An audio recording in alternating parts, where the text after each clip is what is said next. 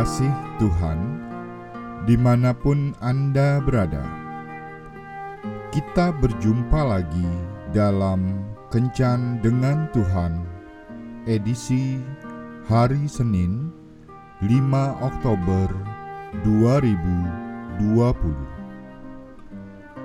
Dalam Kencan kita kali ini, kita akan merenungkan ayat dari Ibrani 4 ayat 13 Dan tidak ada suatu makhluk pun yang tersembunyi di hadapannya Sebab segala sesuatu telanjang dan terbuka di depan mata dia yang kepadanya. Kita harus memberikan Pertanggungjawaban Black box atau kotak hitam adalah alat yang dipakai untuk merekam data penerbangan pada sebuah pesawat terbang.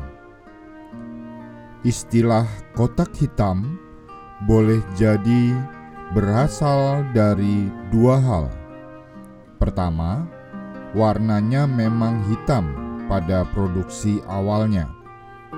Kedua, karena kotak itu selalu cenderung hangus terbakar akibat kecelakaan. Penemu pesawat, Wright bersaudara, awalnya mempelopori penggunaan perangkat ini untuk merekam rotasi baling-baling Kemudian fungsi alat ini diubah untuk merekam data penerbangan pada waktu terjadi Perang Dunia Kedua. Kotak hitam diletakkan di bagian belakang pesawat agar dapat lebih mudah bertahan ketika terjadi kecelakaan. Kotak hitam terdiri dari Flight Data Recorder atau FDR dan Cockpit Voice Recorder atau CVR. FDR berguna untuk merekam data penerbangan selama 25 jam. Sedangkan CVR berisi data audio percakapan yang terjadi di kokpit dengan durasi sekitar dua jam. Duet perangkap ini melacak percakapan pilot, suara mesin, perintah kontrol lalu lintas udara, level bahan bakar, peralatan pendaratan, dan data-data lainnya yang merekam saat-saat terakhir pesawat.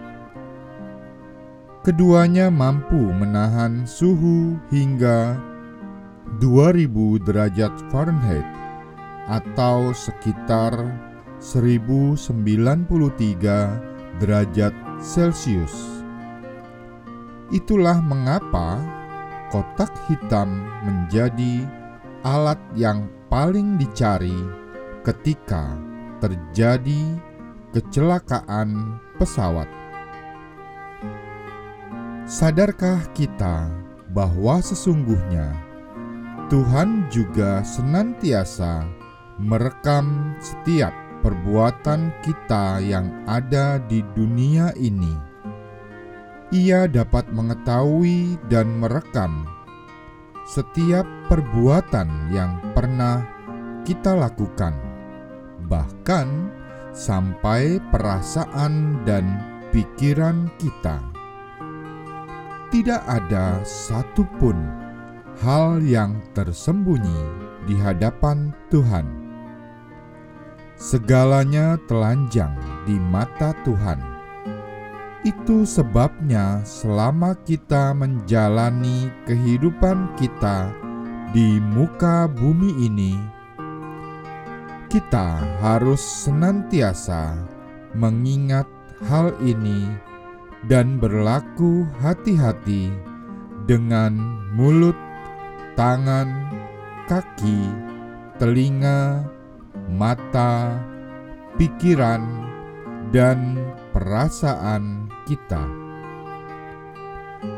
Penulis surat Ibrani mengingatkan kita bahwa pada akhirnya kita harus memberikan pertanggungjawaban kepada Tuhan untuk setiap perbuatan kita.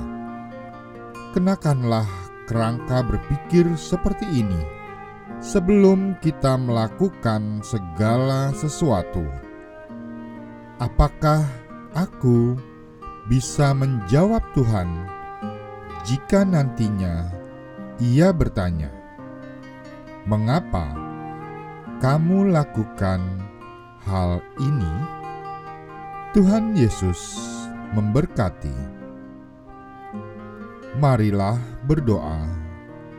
Tuhan Yesus, bimbinglah aku agar aku dapat selalu melakukan kehendak-Mu Aku rindu untuk selalu menyenangkan hatimu. Amin.